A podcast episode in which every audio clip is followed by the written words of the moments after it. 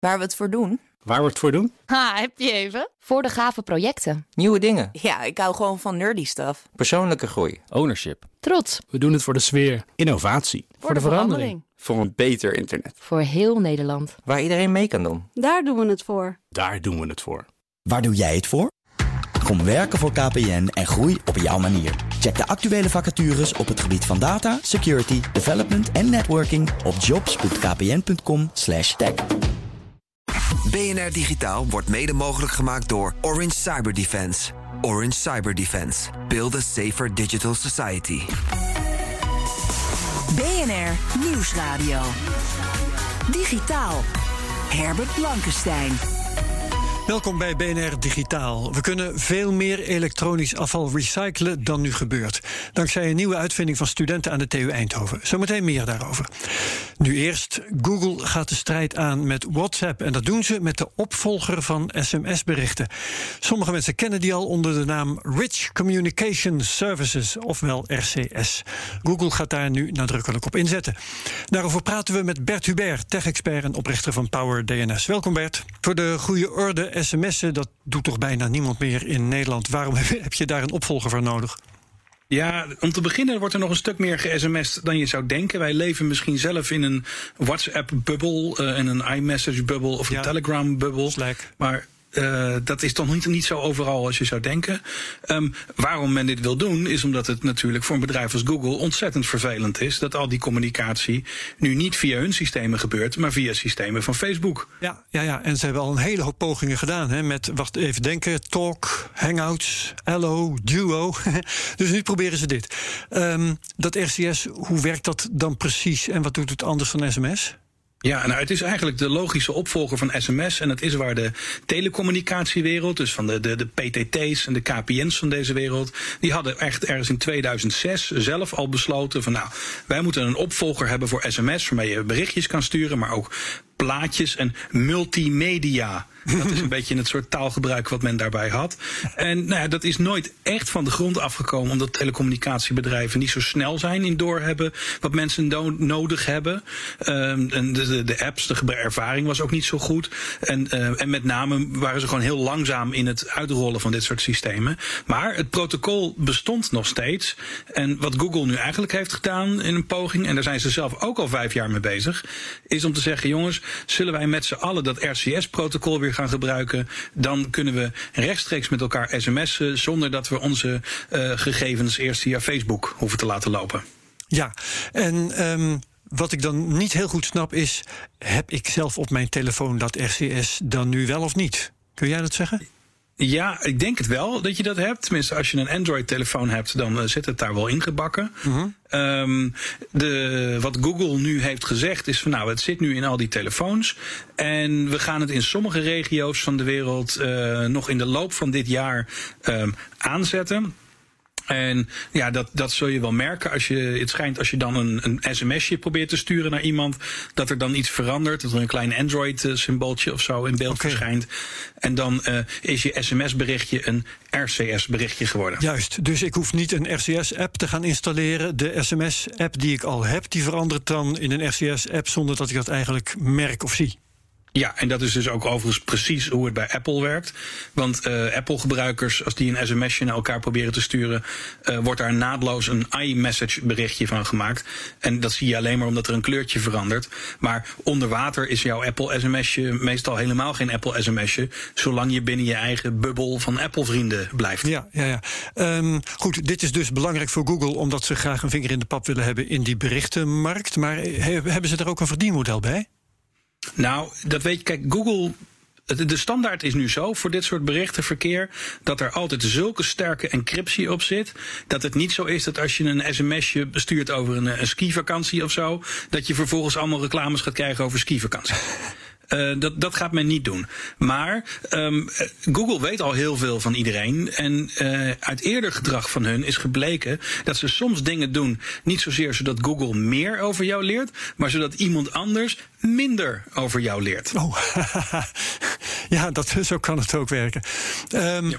Maar goed, die, die RCS-communicatie is nu nog niet versleuteld, maar Google gaat dat er wel in stoppen. Hè? Is dat om beter te kunnen concurreren met WhatsApp en bijvoorbeeld Signal? Nou ja, je kan op dit moment niet meer aankomen met een communicatiesysteem en er dan geen zogeheten end-to-end encryption op doen. Dat is een beetje zoiets alsof je nu een auto zonder veiligheidsgordels probeert te verkopen. Um, dat wil gewoon niet meer. Maar uh, oorspronkelijk zat er inderdaad in dat RCS-systeem niet van die end-to-end encryption. En dat komt ook wel weer omdat het een uitvinding was van de PTT's van deze wereld. En ja, die waren er helemaal niet mee bezig. En die moesten ook zelfs van hun overheid alles kunnen afluisteren. Um, voor de politie en dergelijke. Dus Google heeft nu feitelijk het soort bestaande ouderwetse telecommunicatieprotocol aangepast en inderdaad voorzien van die nu standaard end-to-end encryption. Ja, en wordt dan Google straks de RCS-provider of gaan nu de gewone telefoonproviders dit haastig ook uh, installeren? En wat ja, nou, dat was de oorspronkelijke gedachte. De oorspronkelijke gedachte van Google. En je moet je voorstellen, bij Google begrijpen ze niet zo heel goed hoe telefoonmaatschappijen werken. uh, ook al hebben ze er ooit zelf eentje opgericht. Dat was ook niet zo'n succes. Um, zij dachten dat, nou weet je wat, als we nou die telefoonmaatschappijen, de KPN's van deze wereld, zelf dat RCS-systeem laten uitrollen en dan zou het dus zo zijn dat als twee KPN-gebruikers in Nederland met elkaar een RCS-berichtje uitwisselen, dat het dan gewoon binnen KPN blijft. Dat dat mhm. niet via de Google-servers hoeft te, hoeft te lopen. En dat is natuurlijk een geweldig leuk idee, zou ik persoonlijk heel fijn vinden. En toen is Google langsgegaan bij alle grote telefoonmaatschappijen van de wereld en heeft gezegd: joh, als jullie nou zelf je eigen RCS-servers gaan draaien, dan, uh, dan hebben jullie weer controle over het telecommunicatieverkeer en dat is beter voor iedereen. En toen zeiden de telefoonmaatschappijen, wat een ontzettend leuk idee. En, uh, maar het klinkt toch wel heel moeilijk in de oren en nou, het lukt niet helemaal. Nou, en uiteindelijk heeft Google nu gezegd: oké, dan draaien wij die servers wel voor jullie. Maar mocht een KPN of een Vodafone of een T-Mobile ineens alsnog zin hebben om zelf een RCS-server te draaien, dan kan dat dus. En dat zou dus echt geweldig zijn, want dat zou inhouden dat als twee mensen hier met elkaar communiceren, dat Google daar geen weet van heeft. En dat is best wel een primeur tegenwoordig in 2020. Ja, precies. Precies, want dat was mijn volgende vraag eigenlijk. Wie krijgt, als, als het dan inderdaad encrypted is, hè, dus uh, niemand kan de inhoud van die berichten zien behalve de afzender en de geadresseerde. Maar er zijn er altijd nog metadata. Hè. Facebook krijgt alle metadata van de WhatsApp-conversaties, ook al is het geencrypt. Krijgt Google dan in principe, wanneer het via de Google-servers gaat, wel degelijk die metadata? Ja. Ja, dat is, als, daar is ook niks aan te doen. Dus daar kan je ook niet eens echt boos zijn over Google. Want het is heel moeilijk voor twee mensen met elkaar te communiceren zonder dat iemand dat door heeft. Want die berichtjes zal toch op moeten staan. Dit is een berichtje van Herbert aan Bert. Ja, nee, dat is waar, maar Signal gooit het tenminste meteen weg. Ja, die gooit het inderdaad meteen weg. En bij, bij Google zal het altijd wel weer verdwijnen in een of andere belangrijke analysestraat. Um, want zo zijn ze daar wel. Maar mocht nou KPN in Nederland zeggen: wij gaan onze eigen RCS-server opzetten, dan, dan gaat dat probleem weg. En het zou toch fantastisch zijn als onze telefoonmaatschappijen dat gingen doen. Ja, ja. maar uh, toch zal uh, uh, niks zo standaard worden als sms ooit was. en misschien ook wel als WhatsApp nu is. Want Apple zit daar tussen met iMessage. In Azië heb je WeChat. Er zijn nog een paar andere concurrenten. Ik noemde het Signal al, Telegram. Dus wat moet Google doen om hier echt een voet tussen de deur te krijgen? Ja, ik moet eerlijk zeggen, ik zie het ook niet zo snel gebeuren. Want als mensen helemaal vastgebakken zitten aan hun bestaande uh, uh, WhatsApp-communicatieplatform, gaan ze daar niet heel snel in veranderen. Um, uh, en daarnaast is het zo dat Apple ook niet zo heel snel mee gaat doen. Kijk, Nederland is een land waar we ongeveer op WhatsApp uh, zijn. In Amerika zijn er hele grote groepen mensen die alles alleen maar met iMessage doen. En dat betekent dat je dus ook echt wel een Apple-telefoon moet kopen, anders raak je het contact met je vrienden kwijt. Um, ik zie mensen nog niet zo heel snel allemaal uh, overgaan op RCS van Google. Aan de andere kant is gebleken dat als je kijkt naar de geschiedenis van chatprotocollen van de afgelopen twintig jaar, dan hebben we er nogal wat versleten. Uh, vroeger ja. zat iedereen op Skype, om maar een voorbeeld te noemen. Um, dus ja. verandering is wel mogelijk. ICQ maar ik herinner ik me. ICQ, MSN, uh, er is een hele serie geweest. Maar ik, ik zie nog niet voor me hoe iedereen nu ineens gaat zeggen van oh, nou, ik ga gewoon over op, uh, op sms'jes versturen weer. Uh, maar aan de andere kant, uh, ja, je weet niet hoe de hazen lopen. Nee. Um, heeft RCS verder nog, als het om features gaat, bijzondere dingen? Of kan het, nou ja, evenveel als WhatsApp kan en dat is het dan? Nou nee, de enige echt belangrijke onderscheidende, onderscheidende factor op dit moment is dat het met RCS mogelijk is dat je sms'jes tussen twee mensen die naast elkaar zitten ook daadwerkelijk niet de regio verlaten waar ze in zitten. En uh, dat is de enige onderscheidende factor. En verder zal het toch wat moeilijker zijn voor RCS om te innoveren, uh, want het is een standaard. Dat betekent dat is opgeschreven. Als jij mee wilt doen aan het RCS-systeem en je houdt je aan de volgende regels, dan kun je aansluiten op het RCS-systeem. Dat heeft dus enorm voordeel dat nu als bijvoorbeeld een bedrijf als KLM, die sturen dus berichtjes van nou u moet nu inchecken voor uw vlucht via WhatsApp. Nou, dan sturen ze die op dit moment niet zoveel die berichtjes, maar het is wel een mooie service. Om dat te kunnen moet je WhatsApp for Business customer worden en je aan allemaal regels van Facebook houden. Een van de grote voordelen van RCS is omdat het een standaards gebaseerd protocol is, dat in de toekomst KPF, een bedrijf als KLM gewoon kan gaan aanhaken en dat soort berichtjes kan gaan versturen zonder dat ze aan de regels van een Amerikaans bedrijf hoeven te voldoen. Ja, um, nou als ik nou op mijn telefoon kijk, dan heb ik een sms-app en heb ik geen idee of dat RCS daar nu in zit. Ik heb een beetje een oudere telefoon. Uh, kan ik dat onderzoeken? Kan ik uh, zeker weten of ik het heb, ja of nee? Wanneer weet ik dat? Ja, ik heb goed gezocht gisteren op de Google-website. Die hebben een heel mooi kaartje gemaakt waar het uitgerold gaat worden in de wereld. En dat is een kaartje van de hele wereld minus China en Rusland. En, uh, maar als je dan probeert te krijgen informatie van uh, wanneer gaat dat nou precies gebeuren, dan staat het er niet. De enige indicatie die ik heb gevonden is dat als je zo'n RCS-berichtje, uh, als dat blijkt te werken en je probeert een sms'je te versturen, dat je dan een of andere indicatie krijgt. Maar ik heb nog geen idee hoe je dat zou kunnen zien en ik heb ook niet gehoord wanneer Nederland aan de beurt zou zijn. Oké, nou dat gaat Google zelf misschien nog wel aan ons laten weten. Dankjewel Bert Hubert, tech-expert, oprichter van Power DNS. Herbert Blankenstein. Hoe kunnen we nou veel meer onderdelen uit oude telefoons en batterijen gaan recyclen? Studenten aan de Technische Universiteit Eindhoven zijn verenigd in het zogeheten Team Core. En ze zijn op weg naar een antwoord. En presenteerden onlangs een speciale oven die afval omzet in meer herbruikbare grondstoffen. Om dat nader toe te lichten hebben we hier Dirk van Meer, CEO van Team Core. Welkom Dirk. Dankjewel. Gefeliciteerd met je uitvinding.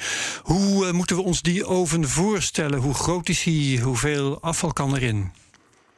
Ja, de totale installatie is 7, 8 meter. Um, maar de kern, de core van het proces zelf, is um, ja, een uit de hand gelopen stalen regenton. Ja. Met een uh, diameter van 2 meter. Oké. Okay. Um, en wat doe je daarmee? Uh, je gaat, ja, het is een oven, dus het zal wel heet worden. Maar hoe heet bijvoorbeeld? Nou, wat we gaan doen hiermee is uh, voornamelijk dus die afvalstromen. En dan praten we over bijvoorbeeld batterijen, telefoons, maar ook verontreinigde grond, de laatste restjes van automaterialen.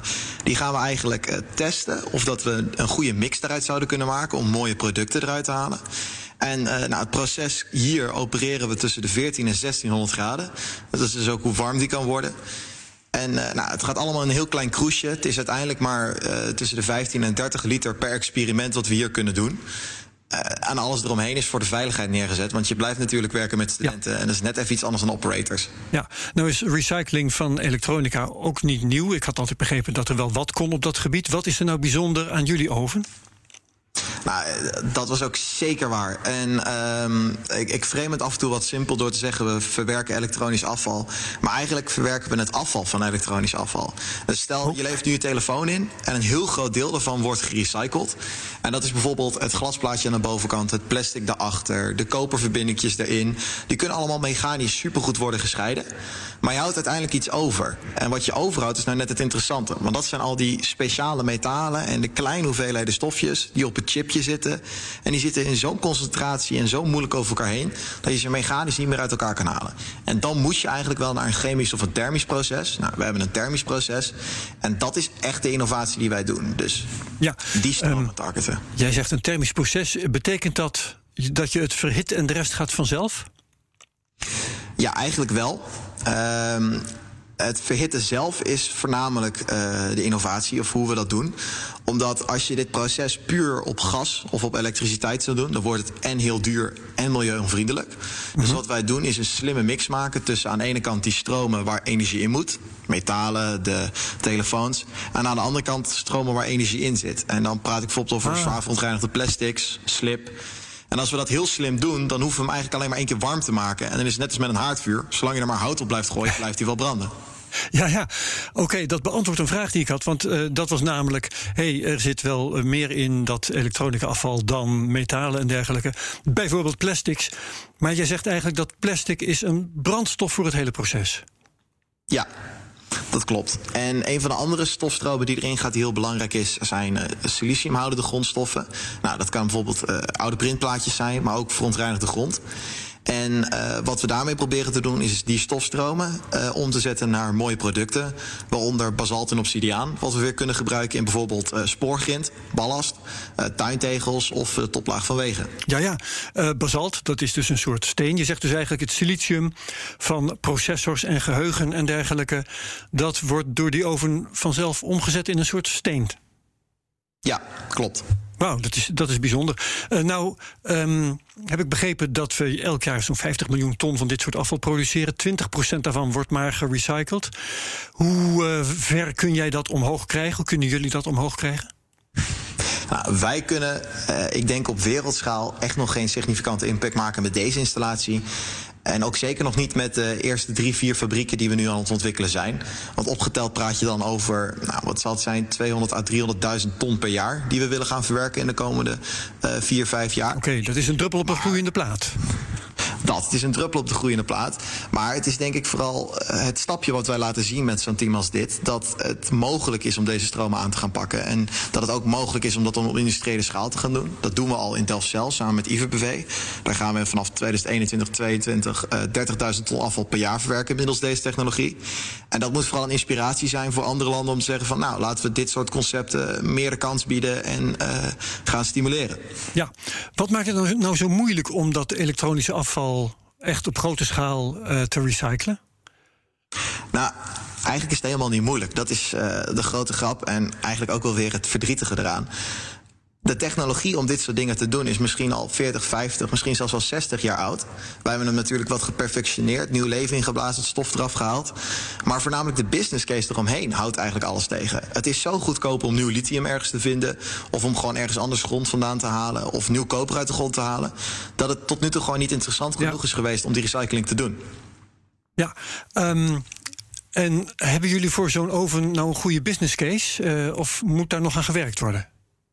Nee, op dit moment hebben we een hele gedegen business case. Dat betekent dat je, nou, om het even in heel financiële termen te zetten, de terugverdientijd is meestal tussen de vijf en de zes jaar op een grote installatie.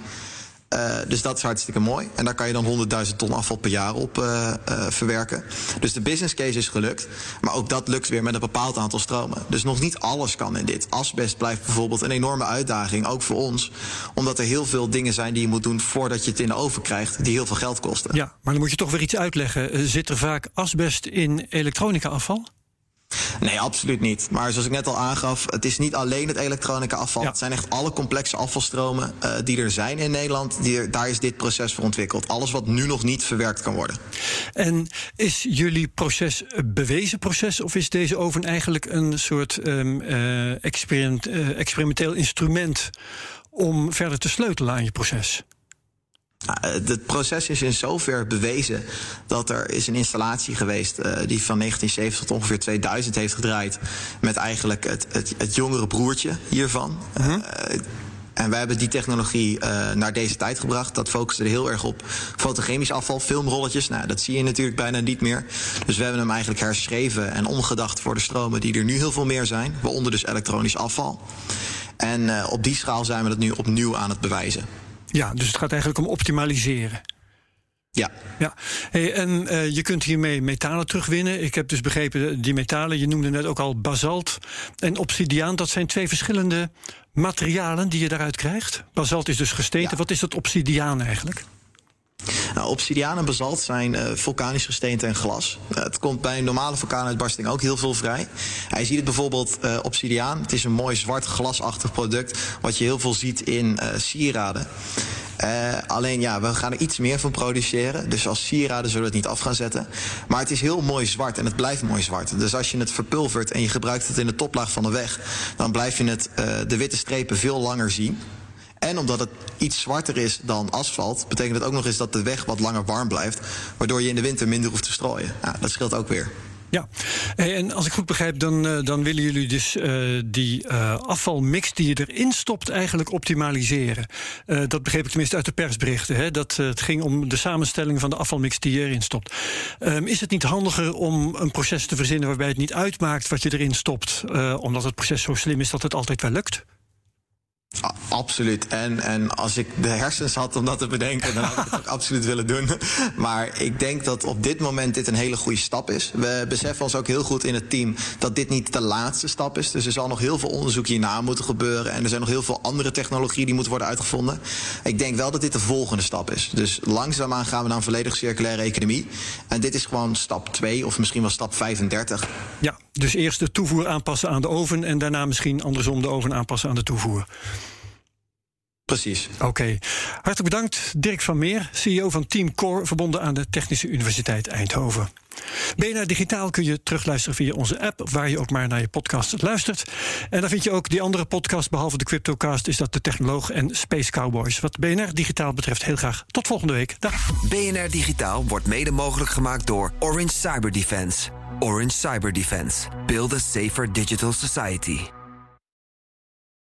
Ook Thomas van Zeil vind je in de BNR-app. Je kunt live naar mij luisteren in Zaken doen. De BNR-app met breaking news, het laatste zakelijke nieuws... en je vindt er alle BNR-podcasts, bijvoorbeeld Het Nieuwe Geld. Download nu de gratis BNR-app en blijf scherp.